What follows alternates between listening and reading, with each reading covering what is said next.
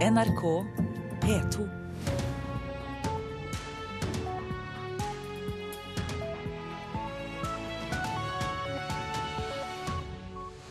Og her får du Nyhetsmorgen med Øystein Heggen i studio i dag, onsdag 8. april. Overskrifter 6.30. I USA er en hvit politimann siktet for drap etter at en svart mann ble skutt. Drapet ble videofilmet av en forbipasserende. Juksing med identitetspapirer bør gi bøter, ikke utvisning fra Norge. Det er både Utlendingsdirektoratet og Norsk organisasjon for asylsøkere enige om. Ordføreren i Sør-Varanger reagerer på dårlig varsling etter brannen på atomubåten i Arkangelsk. Og forfulgte forfattere velger bort fribyer i Norge fordi det er så vanskelig å bli utgitt her i landet. Man kan ikke få noe støtte for eh, oversettelser hvis man ikke først har fått antatt manuskriptet. Og hvis da ikke forleggeren kan lese manuskriptet ditt, så blir det jo litt sånn Cash 22. Programdirektør i Fribynettverket Elisabeth Dyvik. En hvit politimann i Sør-Carolina i USA er altså siktet for drap etter at en svart mann ble skutt og drept, tilsynelatende skutt i ryggen mens han løp. 50 år gamle Walter Lamer Scott ble drept sist lørdag, og det som skjedde ble tatt opp på video av en forbipasserende. Her er reaksjonen fra offerets bror, Anthony Scott. We can't get my brother back, and my family is in deep mourning for that. I don't think that all police officers are bad cops. but there are some bad ones out there. And I don't want to see anyone get shot down the way that my brother got shot down. If there wasn't a video, would we know the truth? Or would we just go on what was reported earlier? Ikke alle politifolk er så ille, men det er noen dårlige politifolk der ute i samfunnet, sier altså offerets bror Anthony Scott. Og han spør her på slutten om vi hadde fått vite sannheten hvis det ikke hadde blitt gjort et videoopptak. Og like før sending snakket jeg med USA-korrespondent Gro Holm om det man kan se på amatørvideoen. Ja, Videoen viser en, eh, det som starter med en diskusjon eller en krangel mellom politimannen og denne svarte mannen, som så løper av gårde vekk fra politimannen og blir skutt idet han løper av gårde, med åtte skudd til sammen. Fem av dem skal være direkte i ryggen. Eh, så faller han om på bakken. Politimannen går bort til han og setter på håndjern. Eh, og etter at han har satt på håndjern, så går politimannen tilbake mot det stedet hvor skytingen startet, plukker opp en gjenstand som det ser ut som han legger ned ved siden av eh, den som da var drept. Eh, og Det er uklart hva den gjenstanden var for noe. Politiet, politimannen selv hevder jo at mannen forsøkte å ta fram elektrosjokkvåpenet. og eh, Det mange spør, spør seg da er, var det dette våpenet han plukket opp og la tilbake ved siden av offeret. Altså en form for forfalskning. Hva skjer med politimannen nå? Ja, han er arrestert og siktet for uh, drap. Uh, han sitter i fengsel, og, uh, og, det vil jo da bli reist en sak mot han sannsynligvis. Så det er Politiet reagerte i denne sammenhengen veldig raskt for å unngå den type demonstrasjoner som vi har sett andre steder i USA, hvor hvite politimenn har skutt svarte menn. Ja, og det er jo slett ikke første gang at det er gjort amatørvideoopptak av konfrontasjonene med politiet. Nei, det er det ikke. Og det er ikke gitt at dette ender med en endelig fellende dom. I New York i fjor sommer f.eks. så døde en svart mann etter at det var tatt kvelertak på han. Politiet tok kvelertak på han. Han var ubevæpnet også og døde av det. Og politiet slapp der, slapp der tiltale. Eh, så er det en unggutt som ble skutt like før jul. En tenåring på en 12-13 år i Cleveland. En hjemløs ble skutt i januar. Og ingen av disse sakene har så langt resultert i en fellende dom. Har det foreløpig kommet noen reaksjoner på det som nå har skjedd i South Carolina? Ja, det kommer reaksjoner her på fjernsynskanalene i, i kveld. og reaksjonene er sterke. Eh, mange sier jo at dette er til de grader et mønster, og et mønster som man på en måte ikke, eh, ikke ville sett på samme måte hvis ikke det var tatt video av dem. Og det, er, det bekrefter den følelsen mange svarte sitter med, at Eh, loven ikke er lik for alle i USA. Det skal utrolig mye til før en politimann blir dømt her, fordi det er tilstrekkelig at politimennene tror at de er truet, eller at noen forsøker å ta fra dem våpenet. Det er ikke nødvendig at det faktisk var objektivt eh, det som skjedde, at, at offeret forsøkte å ta fra dem noe. Det er tilstrekkelig at de frykter for sitt liv. ID-juks blant folk som har bodd lenge i Norge bør straffes med bøter, ikke utvisning fra landet. Det mener både Norsk organisasjon for asylsøkere og Utlendingsdirektoratet. Flere enn 100 norsk-somaliere risikerer å bli fratatt sitt norske statsborgerskap som følge av juks, og for mange er utvisning det eneste alternativet myndighetene har. Konsentrasjonen er ikke til stede. Jeg sliter jo med, med sovn og all, alt det vonde som er jo lagt bak meg, kom jo plutselig eh, opp. Det forteller 31 år gamle Amina, som vil være anonym. Hun har bodd tolv år i Norge, men risikerer å bli utvist dersom hun blir funnet skyldig i juks. Norske myndigheter mener hun kan ha løyet om hvor hun kommer fra, og truer nå med å tilbakekalle hennes norske statsborgerskap. Etter å ha levd et liv uh, uten bekymringer og fått norsk statsborgerskap og kommet meg godt uh, i livet, så fikk jeg plutselig et brev hvor det står at jeg uh, står i fare for å få tilbakekalle norske statsborgerskap. Amina, som utdanner seg til barnevernspedagog, vet ikke lenger om hun får muligheten til å fullføre utdanningen sin, og er urolig i forkant av eksamen. I noen tilfeller så kan en utvisningsreaksjon være eh, veldig streng. Eh, og da kunne en bot eller et forelegg være en, en, eh, en passende, kanskje mer passende reaksjonsform. Det sier avdelingsleder i Utlendingsdirektoratet, Carl Erik Sjøholt. I 2011 leverte direktoratet et forslag til Justisdepartementet om mildere reaksjonsformer for de som har jukset med identitet, men forslaget ble aldri noe av. Vi syns at uh, i utgangspunktet så er tilbakekall en helt kurant reaksjon dersom man er uh, sikker på at dette her er uh, juks. Det sier juridisk rådgiver i Norsk organisasjon for asylsøkere, Andreas Furuseth. Han mener det er nødvendig med en streng reaksjon, men at særlig barnefamilier bør møtes med andre og mildere reaksjonsformer. Der hvor alternativet er å tilbakekalle tillatelse og returnere familier, så, så mener jeg at vi må prøve å finne andre typer sanksjonsformer. Eh, det kan være bøter, det kan være samfunnsstraff, det kan være karantenetid på altså at man mister statsborgerskap, får karantenetid i forhold til å få nytt statsborgerskap. Eh, det kan være flere eh, sanksjonsformer som kan være aktuelle. Denne typen reaksjoner kunne vært aktuelt å bruke overfor norsk-somalierne dersom forslagene fra 2011 hadde blitt vedtatt, sier Carl Erik Sjøholt i Utlendingsdirektoratet for en del familier så, så kunne, kunne, dette vært en aktuell uh, reaksjonsform. Uh, men uh, den muligheten foreligger altså ikke i dag. Reporter her Kristine Næss Larsen. Voldtekt og andre seksuelle overgrep mot gutter og menn bør få mer oppmerksomhet enn i dag. Det mener Reform ressurssenter for menn, som mener det vil gi bedre hjelpetilbud til dem det gjelder. For fire år siden ble Kent Are Johannessen voldtatt hjemme i sin egen leilighet. Han er en av de få som velger å være åpen om det, selv om det tok tid å komme seg dit. Gikk inn i meg sjøl og tenkte at dette her var min skyld, og var veldig skamfull. Da ville jeg ikke snakke med noen om det. Eh, inntil et år etterpå så eh, snakket jeg med en god venninne av meg som sa at dette her var en voldtekt. Og da søkte jeg opp eh, Dixie og dro dit og fikk hjelp. På Dixie ressurssenter mot voldtekt var det 5% menn blant de omtrent 300 som kom til dem for hjelp i fjor.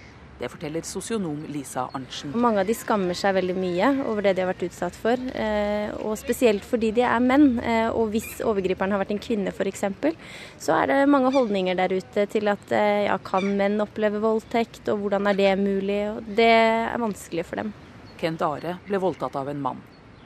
Han var på et utested med kolleger da han plutselig føler seg svimmel og døsig, og alt blir svart før han blir vekket av taxisjåføren utenfor leiligheten sin. Når jeg går ut av taxien, så er det en mannsperson som er med ut av taxien. Og han uh, mumler et eller annet som jeg ikke får med meg, og sier at uh, Det jeg tror han sier, i hvert fall er at uh, han skal være med meg inn. Mannen begynner å romstere rundt i leiligheten og er tydelig på jakt etter verdisaker. Jeg greier ikke å gjøre noen ting. Jeg er helt slapp og borte. Og så blir det helt svart igjen.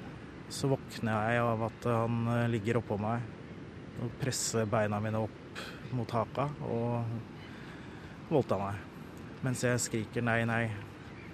Historien er på mange måter klassisk. Ja, men eh, allikevel ikke så klassisk siden det er en mann det gjelder. Men... En stor undersøkelse fra i fjor viser at 9% norske kvinner og 1% menn over 18 år har blitt voldtatt. Det er viktig at vi tør å snakke åpent også om denne ene prosenten. Det mener Are Såstad, som er daglig leder hos Reform, ressurssenter for menn. Det er nok en tendens til at vi tenker at seksuelle overgrep er noe som kvinner utsettes for. Sånn at en god del av hjelpetilbudet er tilpasset eh, det å være jente og, og kvinne. Eh, og det vi kaller andrologisk kompetanse, f.eks. Altså kompetanse på menns seksuelle problemer, det er ganske lite kjent i Norge, faktisk. Det er ganske lite utbygget. Er holdningen i hjelpeapparatet også at dette er primært et kvinneproblem? Det har jeg ikke noen undersøkelser på, så det er vanskelig å svare på. Men eh, jeg tror nok eh, holdningene der er som ofte i befolkningen generelt sett, at eh, dette er et, et, problem som er vanskelig å håndtere, vanskelig å snakke med de utsatte, og man er redd for å tråkke for mye i det. De som jobber med voldtekt generelt, er kvinner. Og på en måte glemmer litt at vi finnes også. Men det er vel også en mindre gruppe menn enn kvinner som blir utsatt for dette? Ja, det er det. Men det er allikevel folk som opplever det, så da syns jeg ikke at man skal glemme dem. Det sa Kent Are Johansson, som bl.a. har bloggen voldtattmann.org. Og reporter var eh, Trine Bråten. Avisene nå. Asylkrisen har gjort ubotelig skade, sier fylkesledere i KrF til Vårt Land. Striden har satt regjeringssamarbeidet kraftig tilbake, mener flere av dem avisen har snakket med. Venstres fylkesledere går hardt ut mot regjeringen i Klassekampen. Regjeringen må gå av dersom den ikke retter for kravene i asylstriden, mener flere av dem, som krever full asylbarnseier til sentrumspartiene. Regjeringspartiene vil at du skal betale for å bruke NRKs nettsider. Det sier Høyres mediepolitiske talsperson Kårstein Eidem Løvaas til Aftenposten. Kjernevirksomheten skal være radio og TV, men nettvirksomheten må NRK ta betalt for, sier han. Forslaget møter skepsis både i Arbeiderpartiet og regjeringens samarbeidspartier Venstre og KrF, skriver avisa.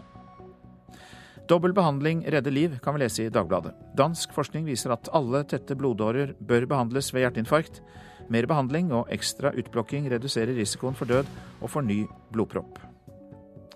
Mindre vold på byen, skriver Stavanger Aftenblad. Økt tilstedeværelse fra politiet og bruk av bortvisning fra sentrum har gitt et tryggere Stavanger, sier politiets innsatsleder Terje Torjussen. VG trykker ukjente bilder fra tyske soldater som deltok i okkupasjonen av Norge. Bilder fra private album viser bl.a. den dramatiske framrykningen nordover i Gudbrandsdalen. Ny børsrekord, det er tema i Dagens Næringsliv. Nå stiger aksjene på lav rente og svak krone. Folk ønsker ikke store kommuner, ifølge en meningsmåling gjengitt i Nasjonen. Bare én av åtte spurte vil ha færre enn 100 kommuner her i landet. Det viser eh, sprik mellom velgere og politikere, sier valgforsker Anders Todal Jensen. Elborg hadde sin syke ektemann hjemme helt til livets slutt, skriver Bergens Tidende. De aller fleste i Norge dør på institusjon. Men Elborg Lønningen er glad for at ektemannen Gunnar fikk dø hjemme etter lang tids kreftsykdom, og at det gir henne indre ro.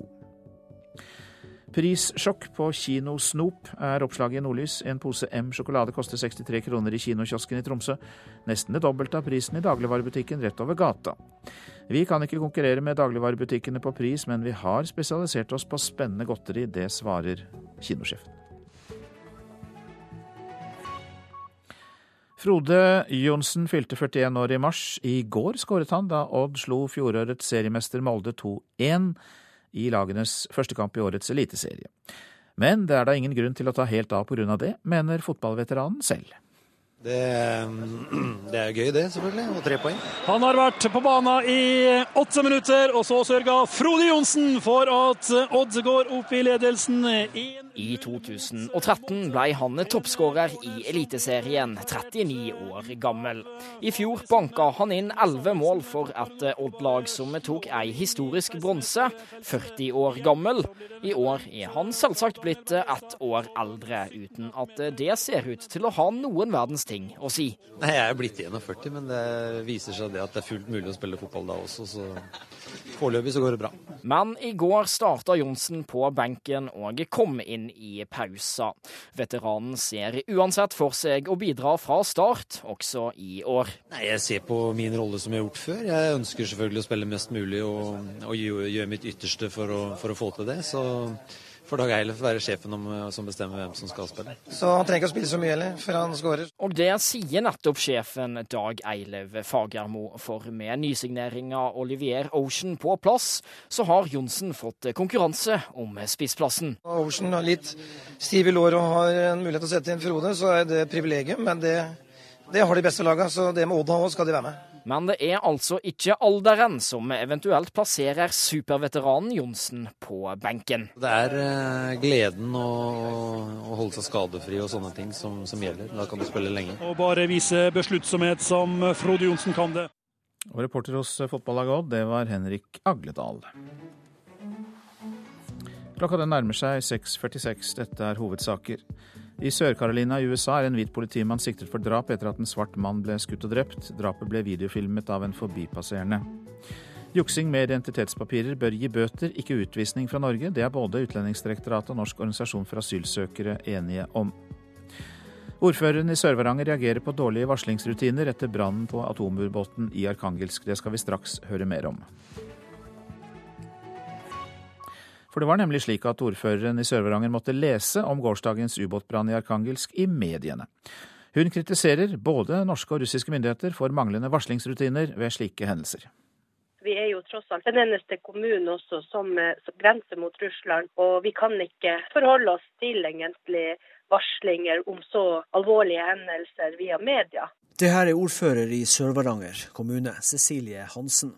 Selv om det i går kveld ble klart at brannen i den russiske atomubåten ikke hadde utløst radioaktive utslipp, mener ordføreren det er på høy tid at varslingsrutinene blir bedre. Nei, Jeg må jo innrømme at uh, denne saken minner jo litt om den uh, ubåten som var i brann i Murmansk for, uh, for to år siden. Og igjen så må jeg jo si at jeg savner varslingsrutinene fra russiske myndigheter. Utover ettermiddagen kom Statens strålevern på banen. Da hadde de fått opplysninger om at brannen var under kontroll, og at verken norske eller russiske målestasjoner viste unormale verdier av radioaktivitet i området. Brann starta under sveising om bord i ubåten, men da var reaktorbrenselet og rakettene fjerna fra fartøyet. Ved Fylkesmannens beredskapsavdeling i Finnmark sier Ronny Skjelderup at de i lang tid har forsøkt å få på plass et regionalt samarbeid med russerne om varslingsrutiner. Men Vi føler nok at vi ikke får, vi får ikke våre russiske kontraparter helt med på, helt med på, på en sånn type avtale. Reporter her, det var Alan Klo. I Storbritannia leder opposisjonspartiet Labour med to prosentpoeng foran statsminister David Camerons konservative parti. Det viser en ny meningsmåling som er gjort for avisa The Sun. Labour får en oppslutning på 35% mens de konservative får 33% oppslutning. Britene går til valgurnene om en måned, men ingen målinger gir et klart flertall til noen av partiene. I går annonserte den republikanske senatoren Rand Paul at han vil forsøke å bli USAs neste president. Den tidligere øyelegen tilhører partiets høyrefløy, men har standpunkter som også appellerer til velgere uten fast partitilknytning. We've come to take our country back from the special interest that use Washington as their personal piggy bank. Vi har kommet for å ta landet tilbake fra særinteressene som bruker Washington som sin personlige sparegris, som er mer opptatt av egen velferd enn av landets, sa Rand Paul til 1500 jublende tilhengere i hjemstaten Kentucky. Paul kritiserte både Obama og tidligere republikanske administrasjoner for å låne penger til statlig forbruk. Slutt å bruke penger vi ikke har, sa Rand Paul. Som konsekvent liberalist vil han at statens rolle skal minimaliseres. Lånefinansierte prosjekter, enten det er for å skape arbeidsplasser eller til Forsvaret, er han imot. USA skal forsvare seg når landet er truet, men Paul har tidligere uttalt seg kritisk til de militære intervensjonene både i Irak og Libya, og han har tatt til orde for å redusere militærstøtten til Israel. Men med framveksten av IS er hans isolasjonisme stadig mindre populær blant republikanske velgere, og i går appellerte han til dem ved å si at radikal islam er fienden.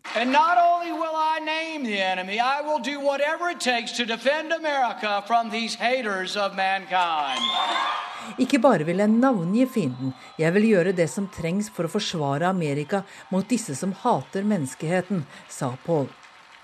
Innenrikspolitisk mener Rand Paul det er opp til hver enkelt stat om de vil tillate likekjønnede ekteskap, og han har tatt til orde for reduserte straffer for narkotikaforbrytelser. Den liberalistiske grunnholdningen gjør at han deler varsleren Edward Snowdens syn på myndighetenes masseinnsamling av telefondata. So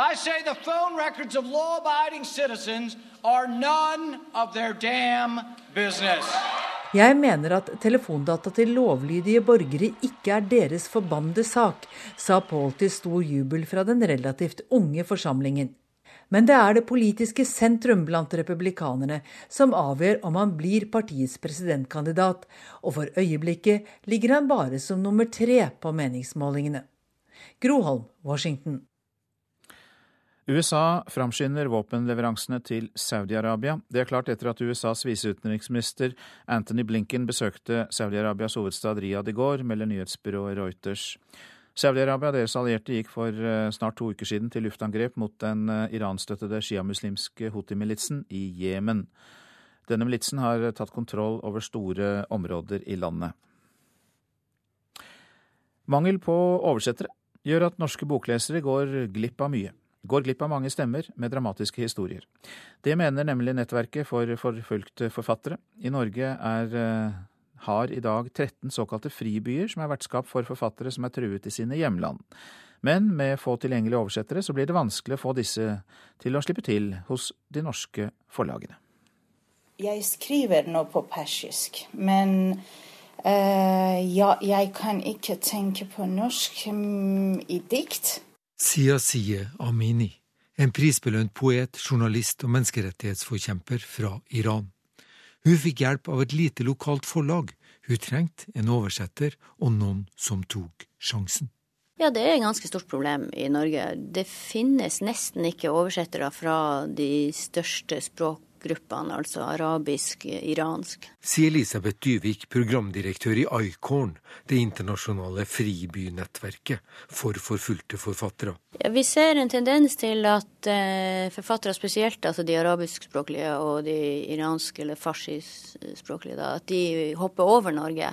De henvender seg til eh, engelskspråklig publikum. Tysk får de oversettelse, men faktisk også Sverige. Altså I Sverige er det et mye større miljø, spesielt for de iranskspråklige. Det finnes både oversettere, men det finnes også eh, iranske forlag.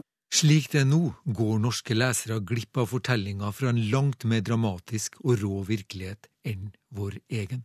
Vi går glipp av veldig mye, altså den norske offentlighet går glipp av veldig mye. Men jeg tenker også på dette med at det faktisk er store innvandrergrupper som ikke får eh, Altså barn som vokser opp, f.eks., som ikke får lese forfattere som er fra deres egen kulturkrets.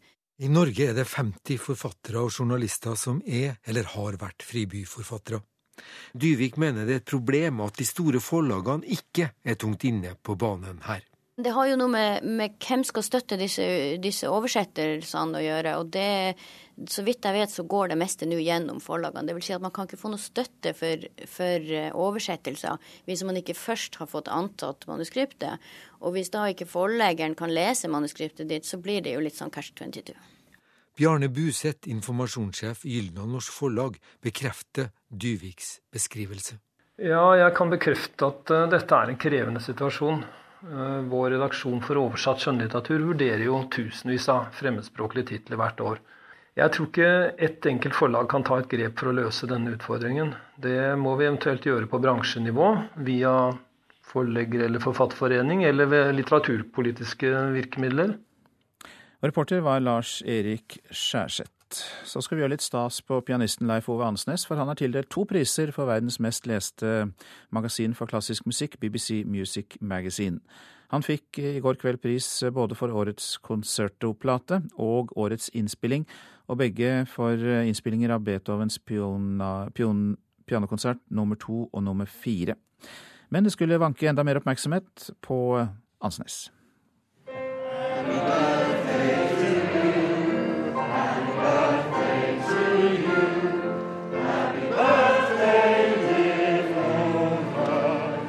Her synger en hel sal full av musikere og elskere av klassisk musikk for Leif Ove Ansnes. Ansnes, som har fødselsdag, men også nettopp har mottatt prisen for årets innspilling, og som tidligere på kvelden fikk pris i kategorien Best konsertoalbum. Jeg har vunnet en del priser, bl.a. Gramophone Awards, og da har jeg vunnet innenfor en, kategori. Og det gjorde jeg også i kveld, vant uh, innenfor concerto. Det er jo en egen kategori for det. Men i kveld så vant jeg jo også Record of the Year, og det er jo rett og slett uh, den platen i året. Og det må jeg jo si, det er jo veldig stas. Mm. det, den har jeg ikke vunnet før. En smakebit av Ansnes fikk det entusiastiske publikummet også.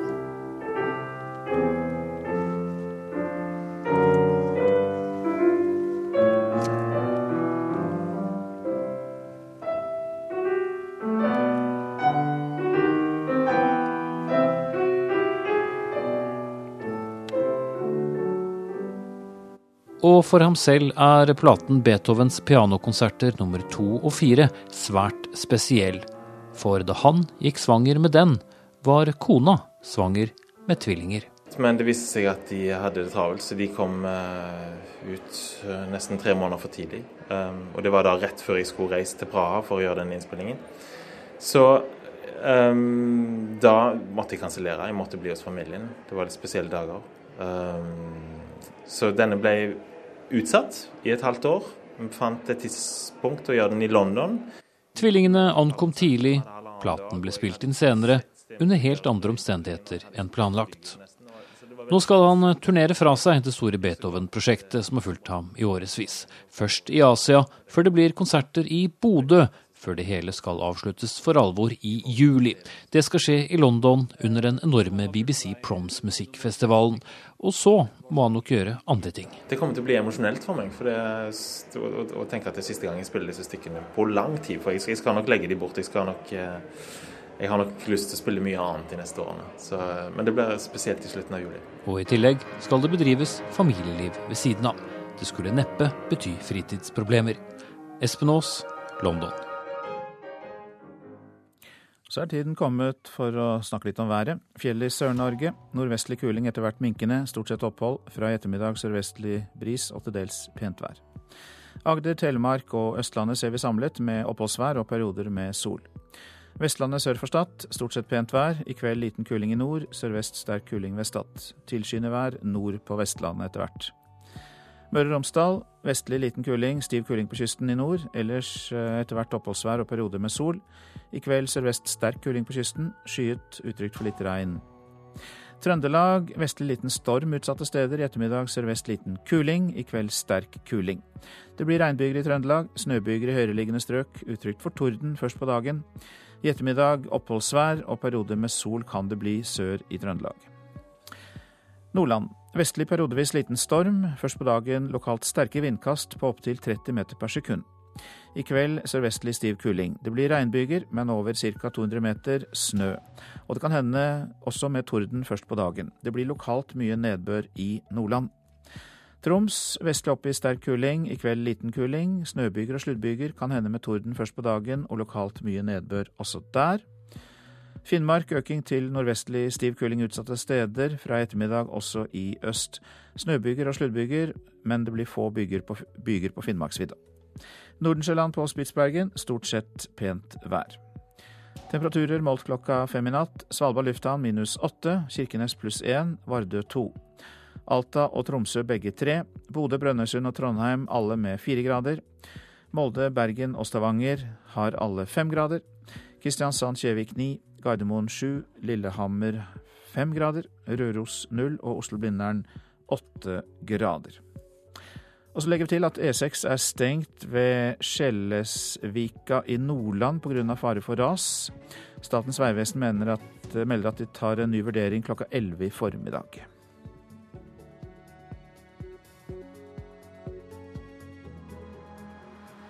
NRK P2.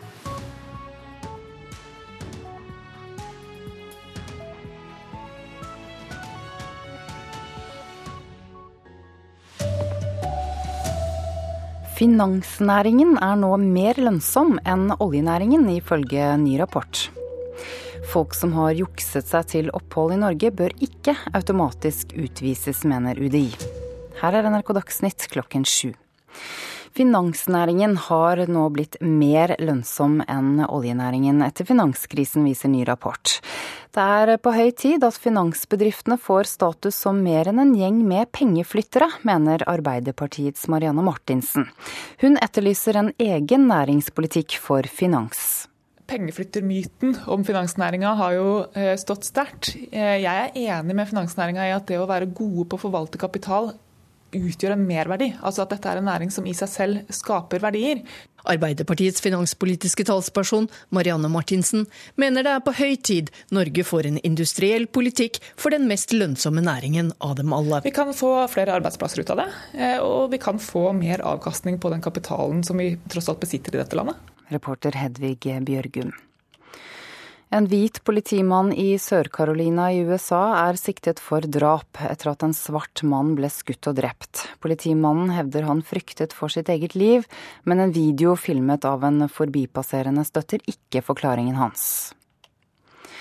ID-juks blant folk som har bodd lenge i Norge, bør ikke automatisk straffes med at de utvises fra landet, mener UDI. Flere enn 100 norsk-somaliere risikerer å bli fratatt sine norske statsborgerskap fordi de har oppgitt feil identitet. Direktoratet har tidligere foreslått andre og mildere reaksjoner overfor Justisdepartementet, sier avdelingsleder i UDI Carl Erik Sjøholt. De eh, forslagene som vi fremmet for departementet, var jo forslag vi anbefalte eh, departementet å gå videre med. Så, så, vi mener at det kunne vært hensiktsmessig å ha en, en eh, noe, noe, bredere spekter av reaksjonsmuligheter. Fordi utvisning er jo en veldig streng reaksjon. Det medfører at man må forlate landet og, og i mange tilfeller ikke få lov til å komme tilbake resten av livet. Eh, så det er klart, eh, I noen tilfeller ville det vært hensiktsmessig å kunne hatt en mildere reaksjonsform. Høyre mener NRK må opprette betalingsmur på sine nettsider. Høyres mediepolitiske talsperson Korstein Eidem Løvaas sier til Aftenposten at NRKs kjernevirksomhet skal være radio og TV. Nettvirksomhet utover det må NRK ta seg betalt for på lik linje med andre medier, ifølge forslaget. Fremskrittspartiets stortingsgruppe støtter dette. E6 er stengt ved Sjelesvika i Nordland pga. fare for ras. Statens vegvesen melder at de tar en ny vurdering klokken 11 i formiddag. NRK Dagsnytt, Ida Creed. I Nyhetsmorgen får du mer om drapet i Sør-Carolina i USA, der en hvit politimann er siktet for drap etter at en amatørvideo viser at han skyter en svart mann. Menn som sykler er tema. Det er nemlig langt flere menn som sykler i de store byene enn kvinner. Vi skal høre hvorfor, og om Kristiansand der det er annerledes. Vi skal også høre mer om hvorfor finansnæringen er blitt mer lønnsom enn oljenæringen, og hva skjer i Tyrkia? Vi spør om politisk vold og terror er kommet tilbake.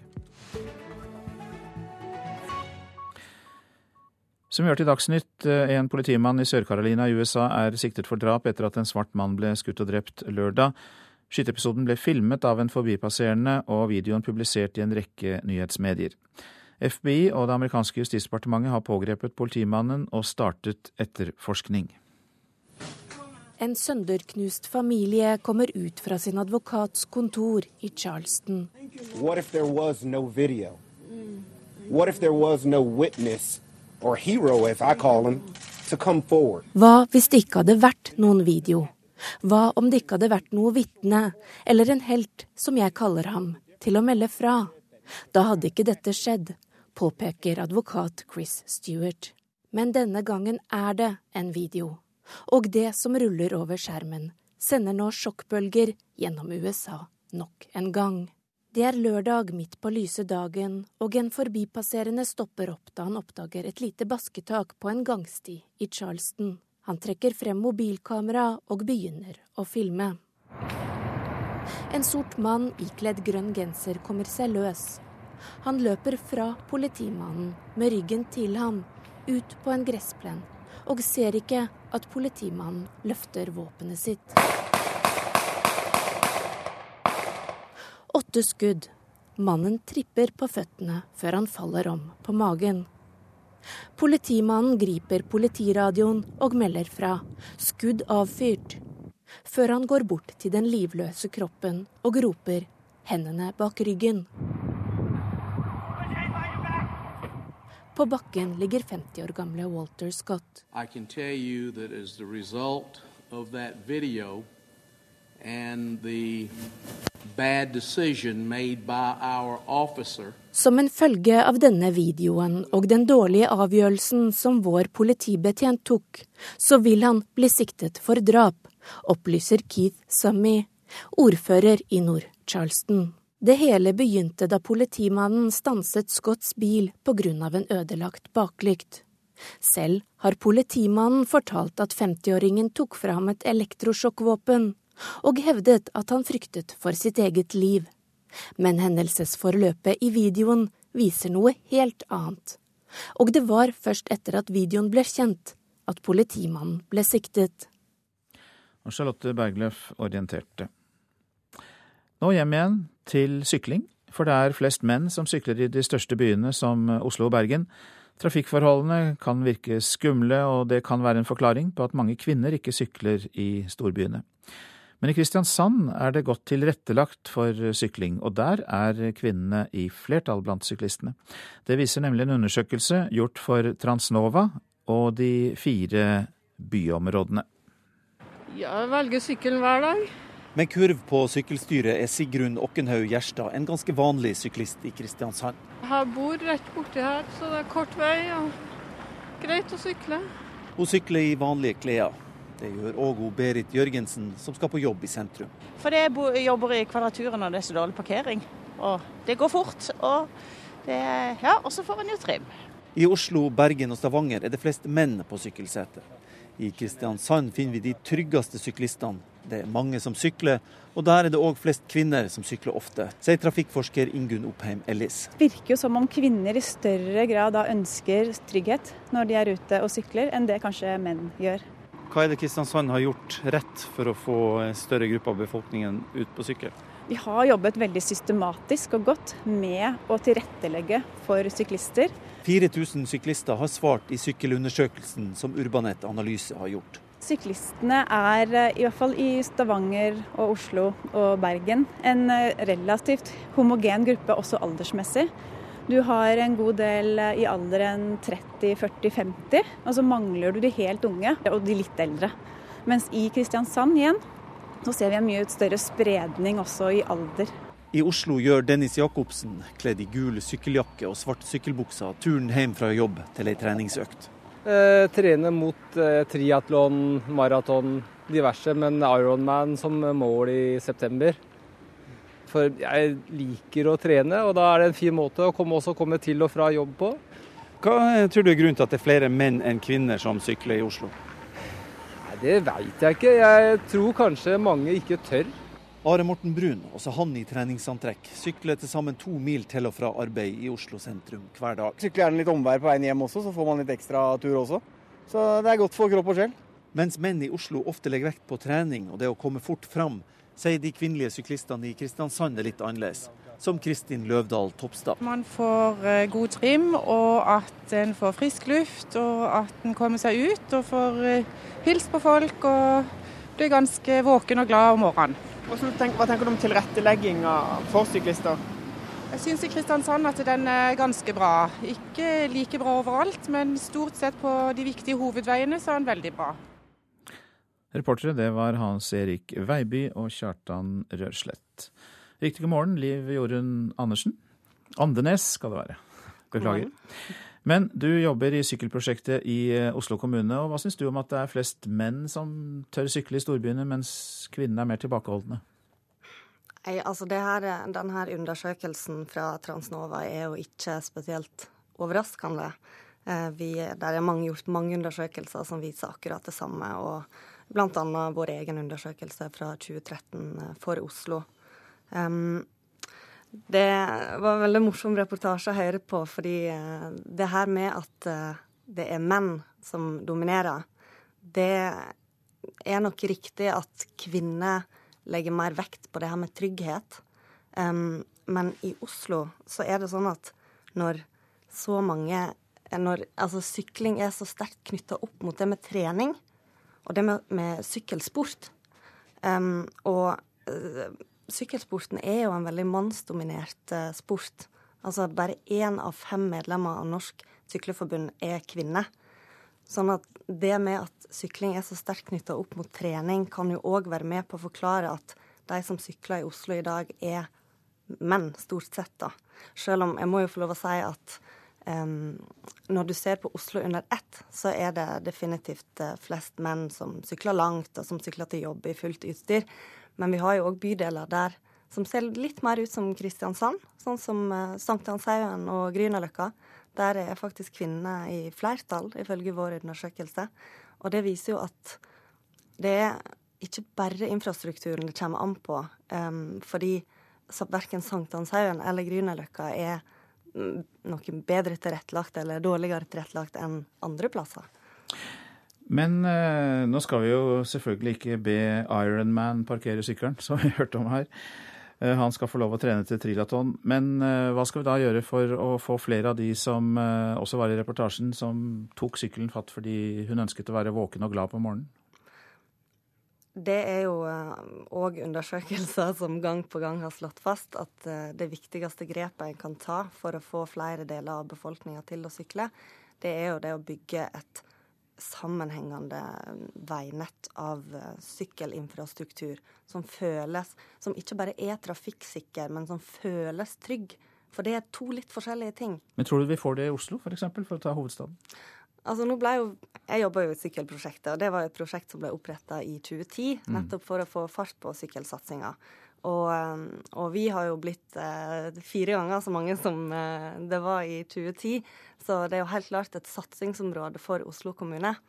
Og nå har det jo gått seint, det skal jeg være den første til å innrømme. Men jeg merker nå en forskjell nå de siste åra, at det er blitt mye mer trykk på denne satsinga. Så det har jeg tro på. Da er tiden inne akkurat nå på denne tiden i på våren å ta sykkelen fatt, så vi får bare håpe flere gjør det. Liv Jorunn Andenes, takk skal du ha. Du jobber altså for sykkelprosjektet i eh, Oslo kommune.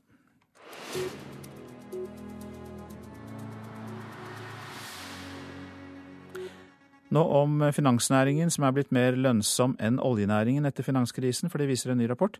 Det er på høy tid at finansbedriftene får status som mer enn en gjeng med pengeflyttere. Det mener Arbeiderpartiets Marianne Martinsen, og hun etterlyser altså en egen næringspolitikk for finans. Pengeflyttermyten om finansnæringa har jo eh, stått sterkt. Eh, jeg er enig med finansnæringa i at det å være gode på å forvalte kapital utgjør en merverdi. Altså at dette er en næring som i seg selv skaper verdier. Ja, Det er kanskje et av problemet næringen har, at den blir sett på som ikke verdiskaping, men pengeflytting. Til tross for finanskrisen har finanssektoren i Norge gjort det overraskende bra, ifølge Handelshøyskolen BI og professor Torgeir Reve. Ja, Vi er overrasket at den faktisk har gått forbi oljenæringen. Og det er sektorer av den næringen som har en så høy verdiskaping at de nesten ikke vil snakke om det. Finansforbundet har bestilt rapporten fra BI som måler lønnsomheten i bransjen før og etter finanskrisen. Nå er det vi som er navet, sier leder Pål Hellmann. Kanskje vi skal beskrives som at vi er næringslivets Nav-kontor. Det er hos oss du får hjelp og støtte til å utvikle din egen næring. I 2012 bidro finanssektoren med rundt 6% av verdiskapningen i Norge. Med bare 2% av alle ansatte. Arbeiderpartiets finanspolitiske talsperson Marianne Martinsen mener det er på høy tid Norge får en industriell politikk for den mest lønnsomme næringen av dem alle. Jeg tror vi har en del å hente på det. Eh, jeg var nettopp i Trondheim, hvor man har valgt å satse spesielt på finansiering av gründerbedrifter. Eh, og bygger opp et finansielt miljø rundt det. Da server man både de bedriftene som allerede finnes i Trondheim, det er jo en kunnskapsby på teknologi, og bygger opp en finansnæring rundt det som samfunnet har bruk for. Det mener jeg er bra. Og man kan la seg inspirere av det også på nasjonalt nivå. Høy kompetanse på oljerelaterte tjenester, maritime tjenester og sjømat er viktige grunner til finansbransjens høye lønnsomhet og vekst, sier verdiskapningseksperten Torgeir Reve. Ja, altså Produktivitetskommisjonen har jo helt rett. Vi må sette ressursene inn der de gir størst avkastning. Og en av de næringene som gir størst avkastning, faktisk størst avkastning av alle næringer for tiden, det er finansnæringen. Og den har alle glemt. Over 50 000 ansatte. Og den har faktisk høyest verdiskaping per ansatte av samtlige norske næringer. Gått forbi oljenæringen. Og det er på tre områder denne næringen er eller kan bli verdensledende. Kapitalforvaltning, kapitalinnhenting og nye betalingsløsninger er noen eksempler der Norge kan ta en ledelse internasjonalt, sier han. Så er altså norsk finansnæring kanskje verdensledende på teknologi. Det er ingen steder alle bruker nettbank. Det gjør vi helt selvfølgelig. Reporter her var Hedvig Bjørgum. Klokken er nettopp passert eh, kvart over sju. Vi har disse hovedsakene. I Sør-Carolina i USA er en hvit politimann siktet for drap etter at en svart mann ble skutt og drept. Som vi hørte, finansnæringen er blitt mer lønnsom enn oljenæringen. Og det er flere menn enn kvinner som sykler i de største byene som Oslo og Bergen. Vanskelige trafikkforhold kan være forklaringen. Tyrkias president Recep Tayyip Erdogan dro til Iran i går for å møte landets fremste ledere. Besøket har vært planlagt en stund, men iranske politikere krevde i forrige uke at det ble avlyst. Og Grunnen til det var at Tyrkia har støttet de saudiarabiske ledernes angrep på Jeben, som Iran er imot. Men Iran og Tyrkia har sterke økonomiske bånd, og besøket har åpenbart vært viktig.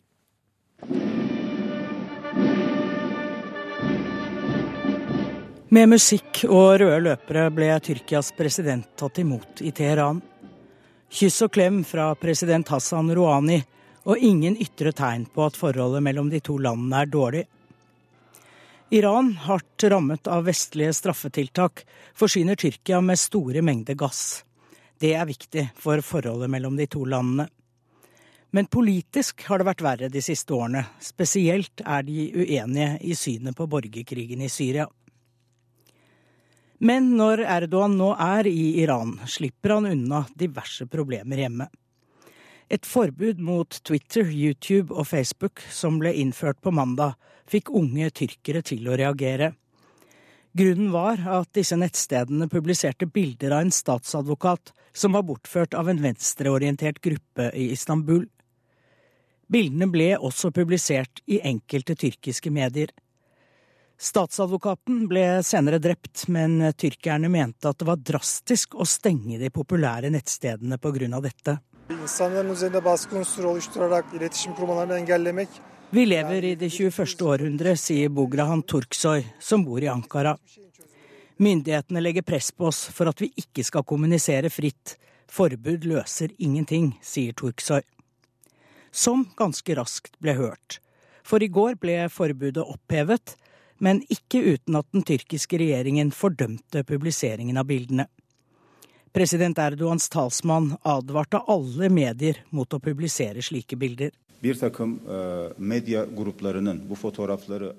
som publiserer slike bilder, som de av statsadvokaten i hendene på en terrorgruppe, driver ren propaganda for disse gruppene, sier president Erdogans talsmann Ibrahim Kalin.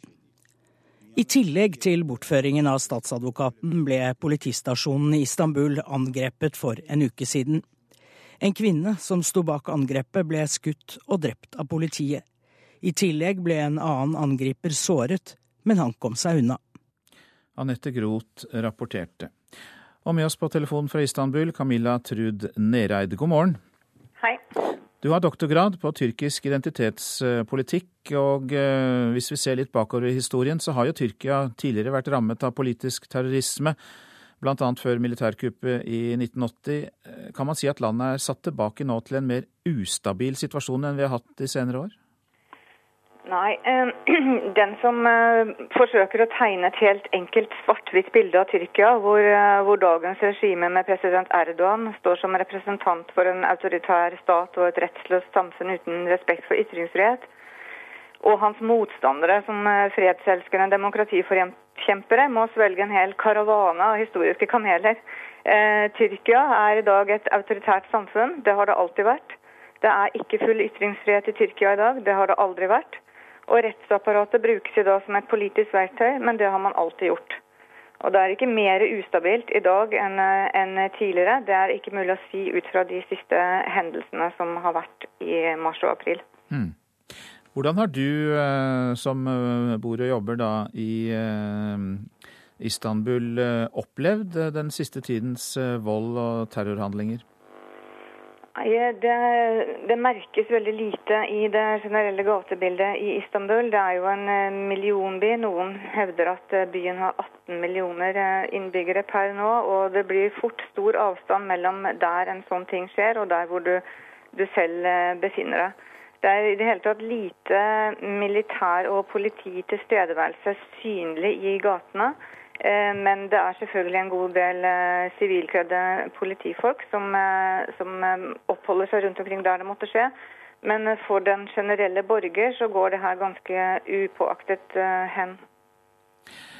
Du sier jo at Tyrkia i veldig veldig mange år har vært et autoritært samfunn og ikke helt kan sammenlignes med det vi kanskje tenker på som demokrati. Men det er jo parlamentsvalg, det har vært gjennomført valg i årtier og det skal være det til eh, sommeren. Hvordan påvirker den politiske situasjonen eh, eh, debatten rundt valget? Nei, Dessverre, når man tenker på alle de store utfordringene som Tyrkia står overfor, og faren for at konfliktene i Midtøsten skal spre seg inn i Tyrkia, så er dessverre hovedfokuset hos alle partiene, både AK-partiet og opposisjonspartiene, stort sett fokusert på presidenten og presidentens person og presidentens eh, ambisjoner. Det er det mest uheldige som går an å si om eh, Eller mest uheldige trekket ved, ved den pågående valgkampen. Og så florerer det som sagt med bruk av rettsapparatet for å oppnå politiske seire. Man rekker nesten ikke å lese om den forrige saken før en ny eh, kommer på bordet. Eh, det siste jeg leste nå, var en eh, parlamentsmedlem fra Det republikanske folkepartiet, som nå går til sak mot en representant fra AK-partiet, fordi AK-partirepresentanten bannet til han i parlamentet. Grunnen til at han bannet, var at eh, den eh, representanten fra Det republikanske folkepartiet hadde fornærmet den kvinnelige familie- og sosialministeren, som kommer fra regjeringspartiet, og latterliggjort hennes innlegg ved å si at hun tross alt måtte huske på at hvis det ikke hadde vært for Atatürk og innforstått hans parti, så ville hun ikke vært minister, men andre, tredje eller fjerde kone i et religiøst samfunn. Og hun har på sin side da igjen gått til sak mot ham som sa det. Og sånn som, eh, som går noen dagene, som du ville sagt på, på trøndersk. Men eh, fra det som du beskriver nærmest som familiefeider i eh, rettssaken, men med politisk bakgrunn. Avslutningsvis, er det i det hele tatt noen godt organisert opposisjon til Erdogan og AK-partiet? Opposisjonspartiene mangler noen gode politiske saker, fordi de har ensidig fokus retta mot presidenten. Og, og, de har også store interne motsetninger. Og det fellesskapet de har som ligger i eh, motstand mot presidenten, er ikke sterkt nok til å kunne eh, gi, eh, gi, grunnlag for et bærekraftig regjeringssamarbeid etter valget. Mange takk for at du orienterte oss eh, der. Camilla Trud Nereid, eh, doktorgrad på tyrkisk identitetspolitikk har du, og bor i eh, Istanbul. Så skal jeg si litt om det avisen er opptatt av i dag. Asylkrisen har gjort ubotelig skade, sier fylkeslederen i KrF til Vårt Land. Striden har satt regjeringssamarbeidet kraftig tilbake, mener flere av dem avisen har snakket med. Venstres fylkesledere går hardt ut mot regjeringen i Klassekampen. Regjeringen må gå av dersom den ikke gir etter for kravet i asylstriden, mener flere av dem, som krever full asylbarnseier til sentrumspartiene. Regjeringspartiene vil at du skal betale for å bruke NRKs nettsider. Det er Høyres mediepolitiske talsperson Kårstein Eidem Løvaas som sier det til Aftenposten i dag. Kjernevirksomheten skal være radio og TV, men nettvirksomheten må NRK ta betalt for. Forslaget møter skepsis både i Arbeiderpartiet og i regjeringens samarbeidspartier Venstre og KrF, skriver avisa. Dobbel behandling redder liv, kan vi lese om i Dagbladet. Dansk forskning viser at alle tette blodårer bør behandles ved hjerteinfarkt. Mer behandling og ekstra utblokking reduserer nemlig risikoen for død og for ny blodpropp. Mindre vold på byen, skriver Stavanger Aftenblad. Økt tilstedeværelse fra politiet og bruk av bortvisning fra sentrum har gitt et tryggere Stavanger, sier politiets innsatsleder Terje Torjussen. VG trykker ukjente bilder fra tyske soldater som deltok i okkupasjonen av Norge. Bilder fra private album viser bl.a. den dramatiske framrykkingen nordover i Gudbrandsdalen.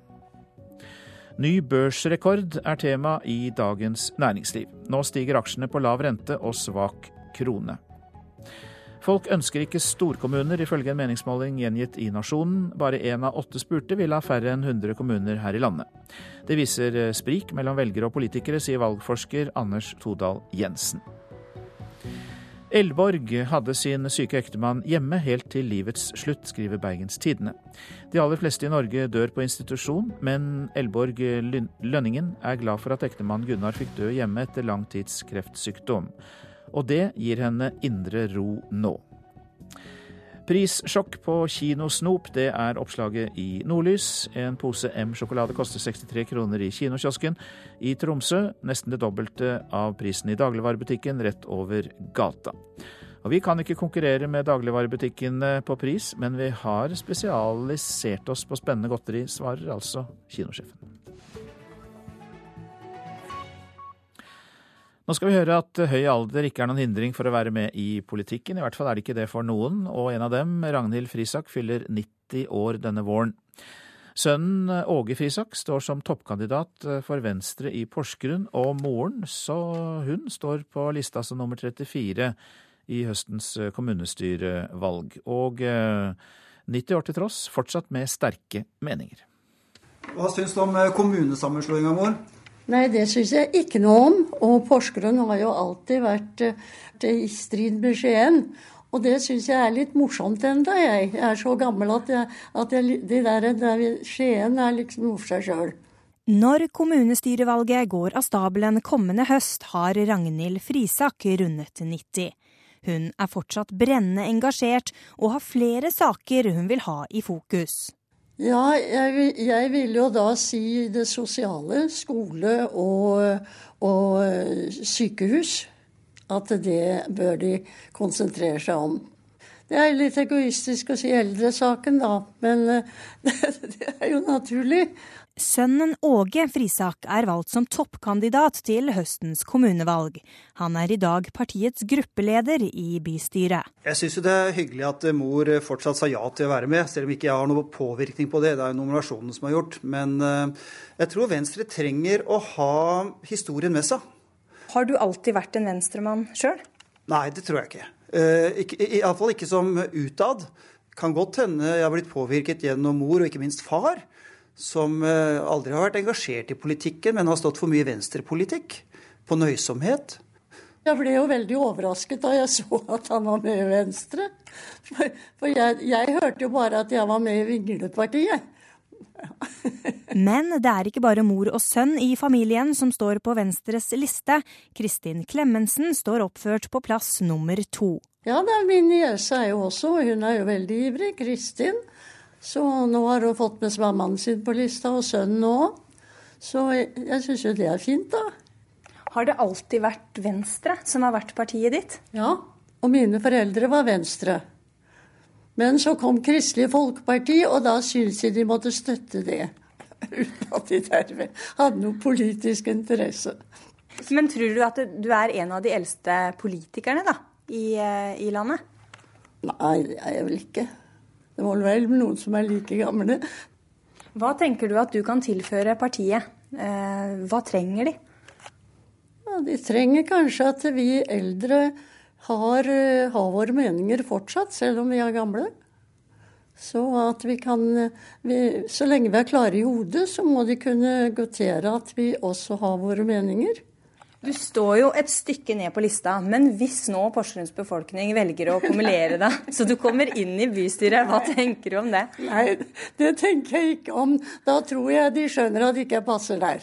Jeg har loven nekten, jeg har fylt 70. Jeg har gjort nok. Jeg har gjort mitt. Jeg har vært veldig aktiv i det hele tatt. Så eh, jeg fikk jo høre gjerne jeg var på det mest aktive, både i, i arbeid og politikk, at jeg var, var på farta. Og da svarte jeg alltid at uh, jeg kommer tidsnok i sofaen, og det har jeg gjort nå. Ikke helt, da. Det sa Ragnhild Frisak, intervjuet av Tone Lensebakken. Prosent i dag Kari Bekken Larsen, her i studio Øystein Heggen. Og så minner vi om at ordet favela er noe vi forbinder med slum og fattigkvarter i Brasil, men i reportasjen etter Dagsnytt skal vi høre at det også bor rikinger der.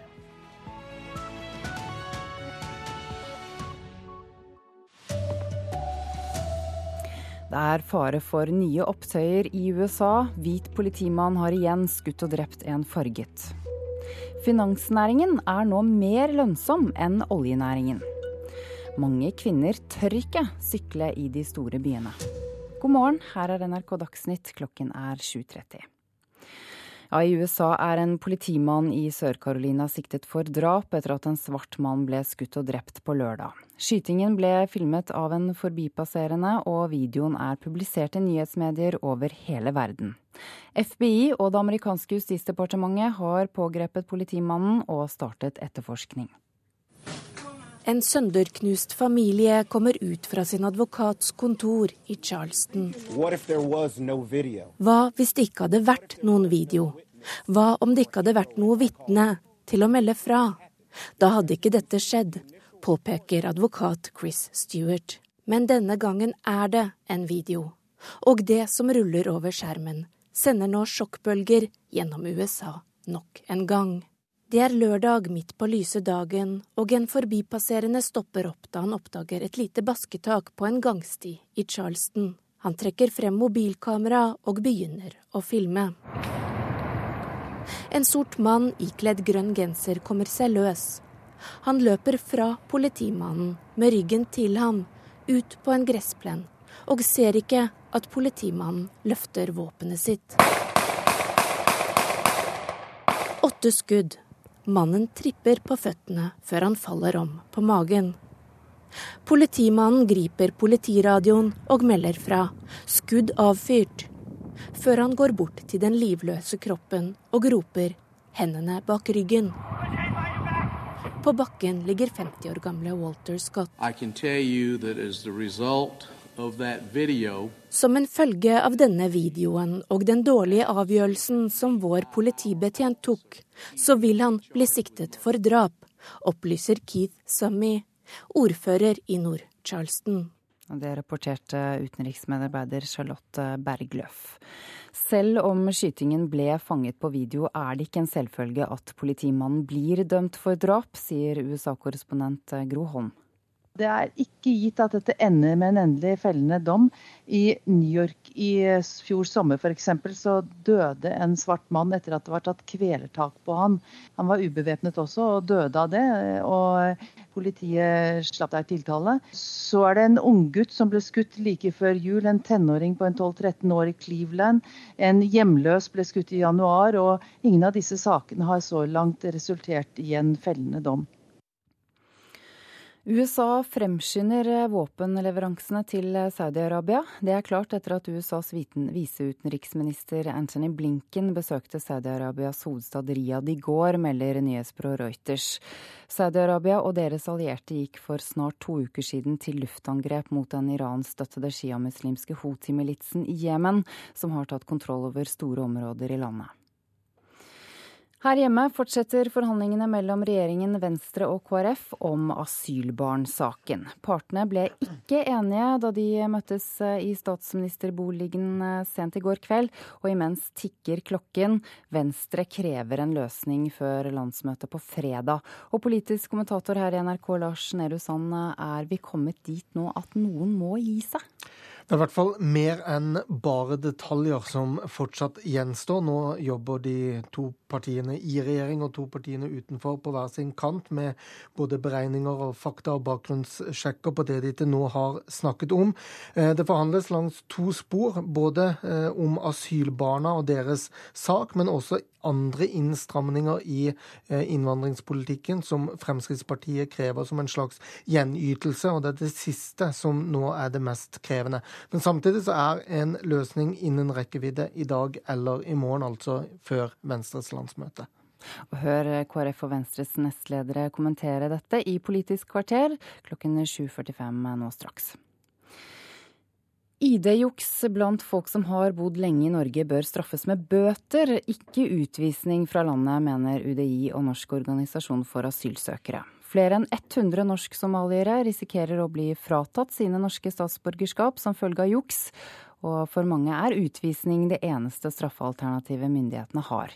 Utlendingsdirektoratet foreslo mildere reaksjonsmåter overfor Justisdepartementet i 2011, men forslaget ble aldri noe av. Så skal vi gjøre at eh, finansnæringen er blitt mer lønnsom enn oljenæringen etter finanskrisen, viser en ny rapport. Det er på høy tid at finansbedriftene får status som mer enn en gjeng med pengeflyttere, mener Arbeiderpartiets Marianne Martinsen. Hun etterlyser en egen næringspolitikk for finans. Pengeflyttermyten om finansnæringa har jo eh, stått sterkt. Eh, jeg er enig med finansnæringa i at det å være gode på å forvalte kapital utgjør en merverdi. Altså at dette er en næring som i seg selv skaper verdier. Ja, Det er kanskje et problem næringen har, at den blir sett på som ikke verdiskaping, men pengeflytting. Til tross for finanskrisen har finanssektoren i Norge gjort det overraskende bra, ifølge Handelshøyskolen BI og professor Torgeir Reve. Ja, altså Produktivitetskommisjonen har jo helt rett. Vi må sette ressursene inn der de har størst avkastning. Og en av de næringene som gir størst avkastning, faktisk størst avkastning av alle næringer for tiden, det er finansnæringen. Og den har alle glemt. For det er en næring som folk flest kjenner på uten å tenke på at det er en stor næring. Over 50 000 ansatte. Og den har faktisk høyest verdiskaping per ansatt av samtlige norske næringer. Det har Gått forbi oljenæringen. Finansforbundet har bestilt rapporten fra BI som måler lønnsomheten i bransjen før og etter finanskrisen. Nå er det vi som er navet, sier leder Pål Hellmann. Kanskje vi skal beskrives som at vi er næringslivets Nav-kontor. Det er hos oss du får hjelp og støtte til å utvikle din egen næring. I 2012 bidro finanssektoren med rundt 6% av verdiskapningen i Norge. Med bare 2% av alle ansatte. Arbeiderpartiets finanspolitiske talsperson Marianne Martinsen mener det er på høy tid Norge får en industriell politikk for den mest lønnsomme næringen av dem alle. Vi kan få flere arbeidsplasser ut av det, eh, og vi kan få mer avkastning på den kapitalen som vi tross alt besitter i dette landet. Reporter Hedvig Bjørgum. Høyre vil innføre betalingsmur på NRKs nettsider. Det skriver Aftenposten. Utspillet kommer fra Høyres mediepolitiske talsmann Korstein Eidem Løvaas, som altså vil at brukerne skal betale for å lese nyheter på nrk.no to grunner til det. Dagens ordning med lisens er knyttet til TV-apparatene, og det er en ordning som sakte, men sikkert kommer til å dø ut, og vi trenger nye ordninger. Den andre grunnen det er at eh, de øvrige mediehusene i dag forsøker å etablere seg på nett, og oppgir ni av ti at eh, NRKs sterke tilstedeværelse oppleves som en vanskeliggjøring av deres strategi for å få sine produkter solgt på nettet. Og Høyre og Arbeiderpartiet debatterer eh, forslaget i Kulturnytt på P2 etter klokken åtte. Fire av ti flygninger i Frankrike rammes dersom franske flygeledere går ut i streik i dag. Myndighetene varsler store forsinkelser og innstillinger i flytrafikken over hele landet pga. streiken, som er planlagt å vare ut torsdag.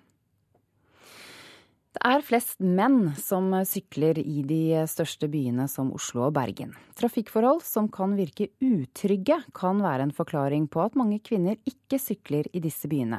For i Kristiansand, som er godt tilrettelagt for sykling, der er kvinnene i flertall, viser en undersøkelse som er gjort for Transnova og de fire byområdene.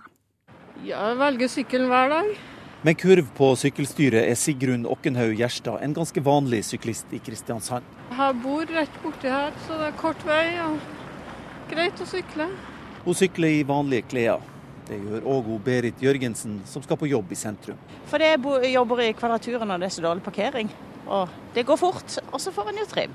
I Oslo, Bergen og Stavanger er det flest menn på sykkelsetet. I Kristiansand finner vi de tryggeste syklistene. Det er mange som sykler, og der er det òg flest kvinner som sykler ofte, sier trafikkforsker Ingunn Oppheim Ellis. Det virker jo som om kvinner i større grad da ønsker trygghet når de er ute og sykler, enn det kanskje menn gjør. Hva er det Kristiansand har gjort rett for å få en større gruppe av befolkningen ut på sykkel? Vi har jobbet veldig systematisk og godt med å tilrettelegge for syklister. 4000 syklister har svart i sykkelundersøkelsen som Urbanet Analyse har gjort. I Oslo gjør Dennis Jacobsen, kledd i gul sykkeljakke og svart sykkelbuksa, turen hjem fra jobb til ei treningsøkt. Jeg liker å trene, og da er det en fin måte å komme, også komme til og fra jobb på. Hva tror du er grunnen til at det er flere menn enn kvinner som sykler i Oslo? Nei, det veit jeg ikke. Jeg tror kanskje mange ikke tør.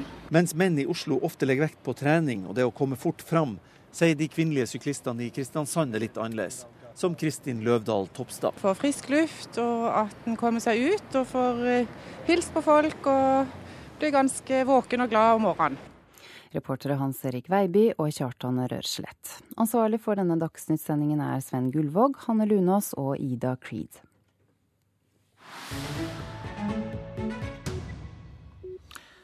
Dette er eh, Nyhetsmorgen.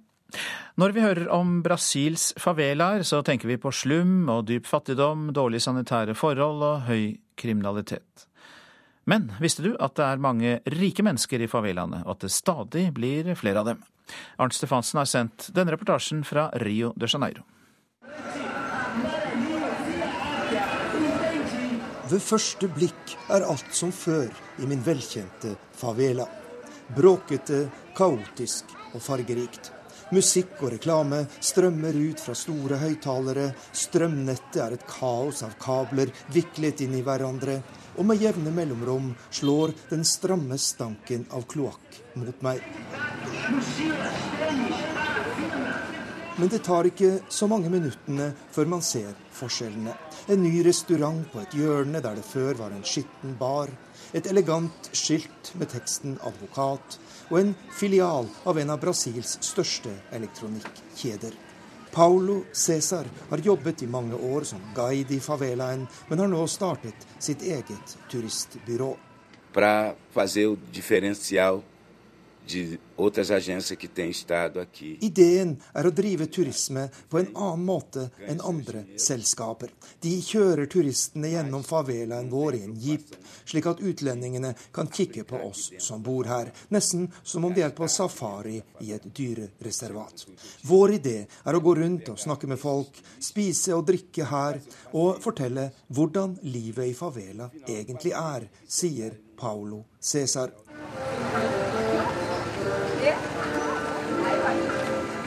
Det siste tiåret er flere tusen nye virksomheter blitt grunnlagt i Brasils favelaer. I tillegg har titusener av favela-beboere fått jobber i rike områder i nærheten.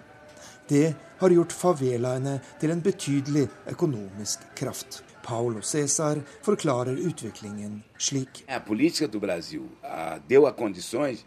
das pessoas menos favorecidas no sentido Dette er et resultat av en bevisst politikk.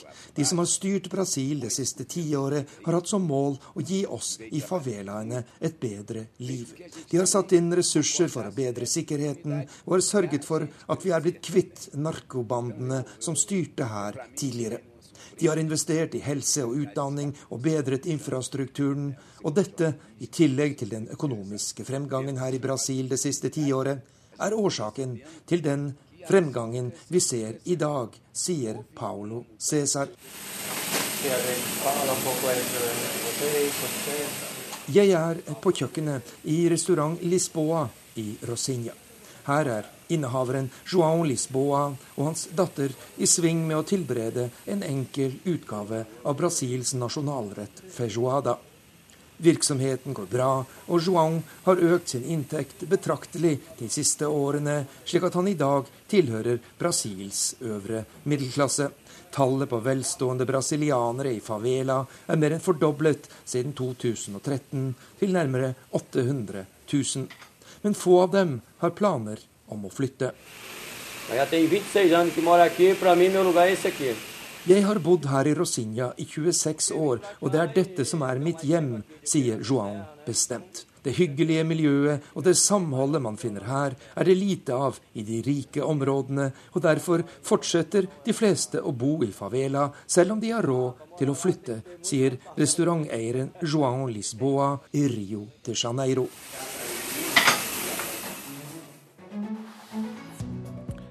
Dette er Nyhetsmorgen, dette er hovedsakene. Det er fare for nye opptøyer i USA. En hvit politimann har igjen skutt og drept en farget mann. Det skjedde i Sør-Carolina. Skytingen ble filmet av en forbipasserende.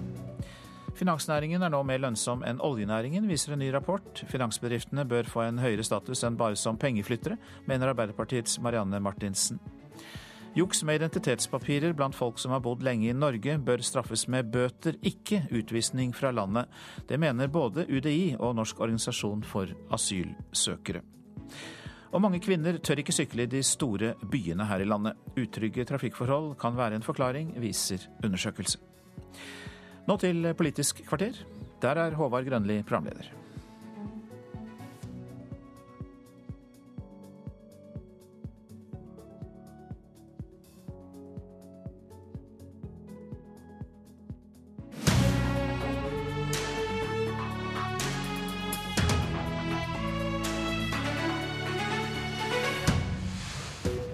De står sammen og utøver sterkt press på regjeringa i asylsaker. Men i synet på søndagshandel er de på hver sin klode. Nå trygler KrF Venstre om at de skal stå sammen også der. Nestlederne i KrF og Venstre er gjester i Politisk kvarter for å snakke om de to kinkige sakene. På den rødeste av alle kristne helligdager stilte KrF-leder Knut Arild Hareide seg i Dagsrevy-studioet og retta ei bønn til sentrumskamerat Venstre. Budskapen var 'vær så snill og hjelp oss i kampen mot søndagshandelen'. Nå håper KrF-folk at saka kan bli tema på Venstres landsmøte i helga, og at Venstre, som er mer på lag med regjeringspartiene Høyre og Frp i denne saka, kan snu. Dagrun Eriksen, nestleder i KrF, god morgen. God morgen. Hva helt konkret er det dere vil at Venstre skal gjøre eh, i denne saka? Nå har jo regjeringen sendt ut et uh, høringsnotat med to forslag. Uh, så har vi veldig respekt for at Venstre skal få lov å ta stilling til hvilke saker de sjøl vil behandle på et landsmøte, og hvordan de vil avgjøre det. Men jeg tror nok det er ganske mange som setter sin lit til at i denne saken så vil Venstre finne en litt nærmere sammen med sentrum enn med de andre borgerlige partiene. Eh, for her ser en at det er ganske mange argumenter som jeg tenker ville være bra eh, at vi fant fram sammen om i sentrum. Eh, det forslaget som ligger på bordet nå, tenker jeg vil øke jobbreisene. Og kanskje øke klimautfordringene. Det vil gi en økt kommersialisering, eh, kjøpepress, eh, som vil øke. En vil også se det som jeg tenker Jeg husker jeg var jo i Stortinget sammen med Lars Bonheim, som snakka mye om nisjeprodukter og små og mellomstore bedrifter. Eh, og det er jo de Eierne av de trygler oss jo også, for de sier at det er de små butikkene med små marginer som vil være skadelidende av et forslag. Eh, og I tillegg så vil jeg jo si at Venstre sin modell med å avgjøre dette i hver enkelt kommune også vil være konkurransevridende. Eh, for det er også en del butikker som vil ha handelslekkasje, ikke bare over landegrenser, men også over kommunegrenser.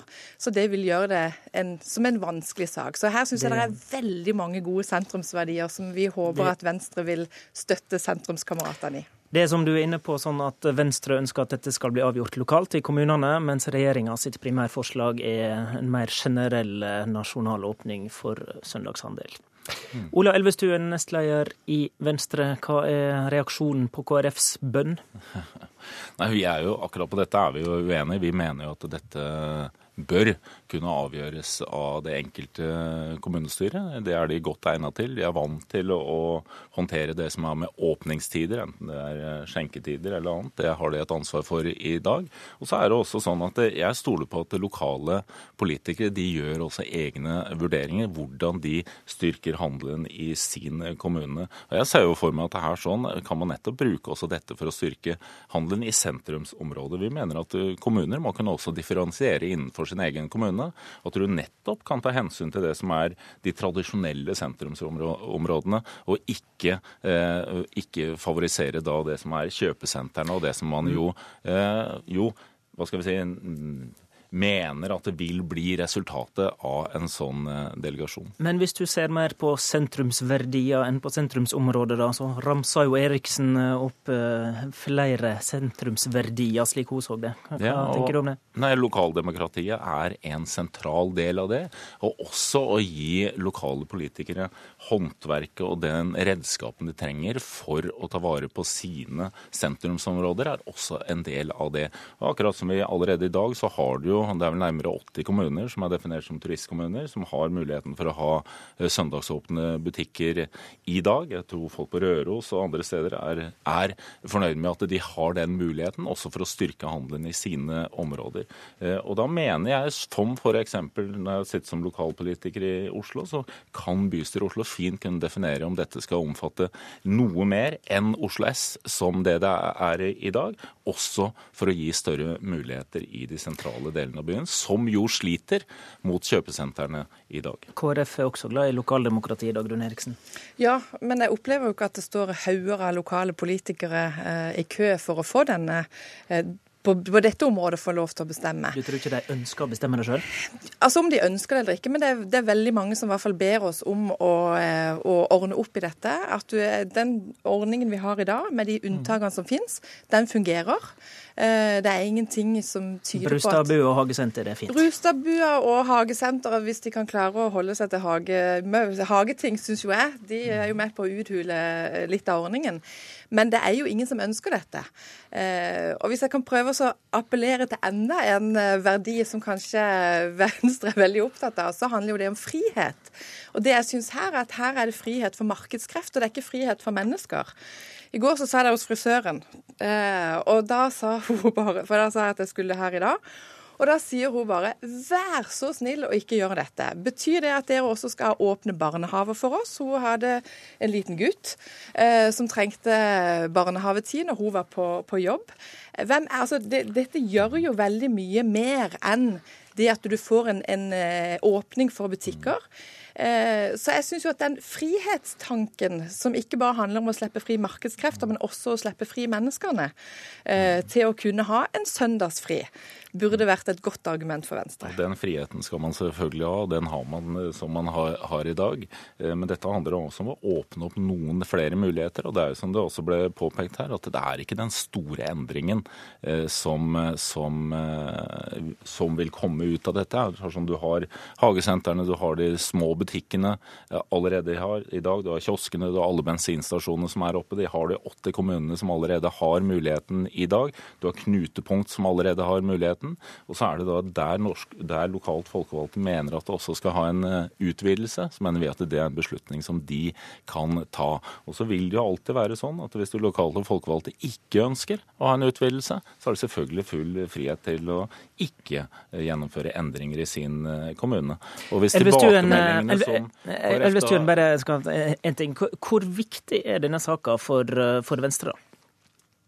Det er ikke, dette er ikke en sak som vi ville ha tatt initiativ til i en situasjon som vi er i nå, men nå er det et forslag som er ute til høring, og der vi har en programformulering. Dette er et kjent standpunkt i Venstre. Vi har hatt det fra tilbake i 2001, da vi mener at dette er ett område hvor det vil være en fordel om kommunene får noe større myndighet. Og det er et eh, område Det å håndtere denne type spørsmål er kommunepolitikerne i Norge ikke bare gode til, de er også vant til å håndtere det. Hvis det ikke er Venstres viktigste sak, kan det da være aktuelt å høre på KrFs bønn? Jeg mener at det er et riktig det er et riktig vedtak å gjøre denne delegasjonen dersom det er det som eh, legges fram eh, for, for Stortinget. Og ut fra at dette vil gjøre at du får noen muligheter som det ellers ikke ville hatt, og som vil også håndtert klokt av lokale politikere vil kunne være med på å styrke også den tradisjonelle handelen i lokalmiljøene. Men jeg tenker jo sånn at hvis dere tenker at dette ikke får store konsekvenser, og dere vet at så mange er imot det Ingen arbeidstakerorganisasjoner ber om det. Ingen arbeidsgiverorganisasjoner ber om det. Eh, ingen i frivilligheten, Kultur-Norge, ønsker denne åpningen. Eh, da tenker jeg at, i hvert fall det er min siste bønn til Venstre, vil man da lytte til høringen? Hvis det faktisk er sånn eh, at dette vil få store konsekvenser for de som rammes av det, og for de som ikke kan bestemme sjøl. For det høres veldig tilforlatelig ut at lokalpolitikerne skal få lov til å bestemme, og at det vil mm. gjøres på fritt grunnlag. Det vil ikke bli sånn. Det vil være en konkurranse mellom eh, kommuner. Og det å være det kommunestyret som sier nei hvis nabokommunen sier ja, vil være, da vil det være den konkurransen som er avgjørende, ikke hvilke følger dette får for miljø, for kommersialisering, for familier, for frivilligheten, for kultur. Eh, som la, vil være det som er avgjørende. Miljøutfordringene skal vi bruke mange andre virkemidler for å ta tak i, for å få en renere bilpark, for å få bedre kollektivtrafikk. Og dette trenger vi å gjøre også på søndager, også med den, all den aktiviteten som vi tross alt har på, på søndager. Men dette handler om å gi noen muligheter eh, lokalt. Du kan styrke handelen hvis dette gjøres klokt. Dette forholdet mellom ulike kommuner er noe som kommunepolitikere er vel vant med å håndtere. At vi har ulike løsninger i ulike deler av landet, det kan håndteres, og det er noe vi er vant til eh, å, å, gjøre. Og Dette vil også være en del av vurderingene som man gjør når man sitter i kommunestyrene. Hva er konsekvensen av de forslagene som man eh, legger frem? Elvestuen, Venstre åpna altså landsmøtet sitt på fredag, og KrF håper at eh, dette kan bli tema der. Kan, kan det bli det? Nå er Hovedtemaet på landsmøtet til Venstre er det som er den store utfordringen vi står overfor, nemlig hvordan vi skal håndtere den store endringen samfunnet må igjennom med klimaendringer og grønn vekst. Det er hovedsakene inn mot Venstres landsmøte. Og asylbarn blir nok også helt sikkert eh, et eh, tema på Venstres landsmøte. Eh, litt før klokka 23 i går kveld kom KrF-lederen og Venstre-lederen ut fra et møte i statsministerbostaden. De hadde snakka om asylbarnsaka uten å finne ei løsning. Samtalene holder fram i dag. Ola Elvestuen, Venstre har kommunisert en slags deadline her fram mot Venstres landsmøte. Og i Klassekampen i dag er det mange venstrefolk som er tydelige på at en eventuelt mangel på en løsning i denne saka kan gi regjeringskrise. Hva skjer hvis den saka ikke er løst før fredag? Jeg tror jeg alle de fire partiene har en sterk felles interesse av å komme fram til en enighet. Vi har en brei avtale på asyl- og flyktningfeltet som er ganske detaljert. Vi har oppnådd endringer fra den tidligere rød-grønne politikken, både med en engangsløsning for lengeværende asylbarn, vi har fått til en forskriftsendring. Hva skjer hvis den ikke er løst før helga? Vi har en gjenstående problemstilling eh, om hvordan vi håndterer sakene som, eh, med de som ble sendt ut i en mellomperiode. Her sånn er vårt standpunkt tydelig, det er det fra KrF sin side. Nå er dette brakt opp på partiledernivå. De sitter sammen for å finne fram til en eh, løsning. Jeg tror de kjenner godt alvoret i situasjonen, og forventer også at her kommer man fram til en enighet, og det er på tide at vi gjør det nå. Det blir en enighet Dagrun Eriksen, hva skjer hvis det ikke blir en enighet raskt? Nei, altså KrF, altså Dette er jo en alvorlig sak. Det tror jeg alle har forstått som har fulgt denne saken tett. Og, og KrF og Venstre er alvorlig bekymra for de barna som ble sendt ut av den feilen som ble gjort av regjeringen og av justisministeren. Eh, sånn at her må det finnes løsning. Eh, når vi hadde landsstyret sist, så var tydelig beskjed fra KrFs leder og fra KrFs landsstyre eh, at vi for oss er dette et ultimatum, så her må det finnes en løsning. Når det er sagt, så var min samtale med vår partileder i går at de hadde hatt konstruktive og gode samtaler i går kveld, og at de skal jobbe videre med dette i dag. Så jeg har håp, spesielt for barna sin del, at det skal finnes en løsning på dette. Og hvis ikke, så får vi se hva slags konsekvenser det får. Politisk kommentator i NRK, Lars Nehru Sand, hva stranda det på i går kveld? Det som, eh, eller Der hvor avstanden er størst eh, fortsatt, er de motkravene Fremskrittspartiet har eh, kommet med om hvilke innstramninger de krever som en slags gjenytelse for å gå med på ultimatumet fra Kristelig Folkeparti og, og Venstre. Og Det handler ikke nødvendigvis om asylbarna, men det handler om andre innvandringspolitiske spørsmål, hvor Fremskrittspartiet krever å få gjennomslag for ytterligere innstramninger i, i den politikken eh, mot å, å, gå med på eh, asylbarnsakløsning. Kan eh, sentrumspartiene som sitter her gå med på det, all den tid de mener regjeringa skal rette opp en feil, som du hører de sier? Nei, og det er jo på sett og vis det, det som har prega og gjort det vanskelig å, å få til en, en løsning på, på, motytelser som sentrumspartiene er villige til å gå med på. Eh, regjeringspartiene har prøvd ulike løsninger gjennom eh, kvelden i går, eh, og man har fortsatt ikke kommet i, i mål. Og Det er jo nettopp fordi det er vanskelig for, for Kristelig Folkeparti og Venstre å føle at det er de som har noe å nødvendigvis gi denne saken sånn som den står nå. Men jeg tror det er helt på det rene, og det vil det sikkert sikkert også være etter Fremskrittspartiets gruppemøte i dag, at det er uaktuelt for Fremskrittspartiet å, å gå med på å, sitte igjen alene med en svarte per. I hvert fall at det kan bli historiefortellingen utad.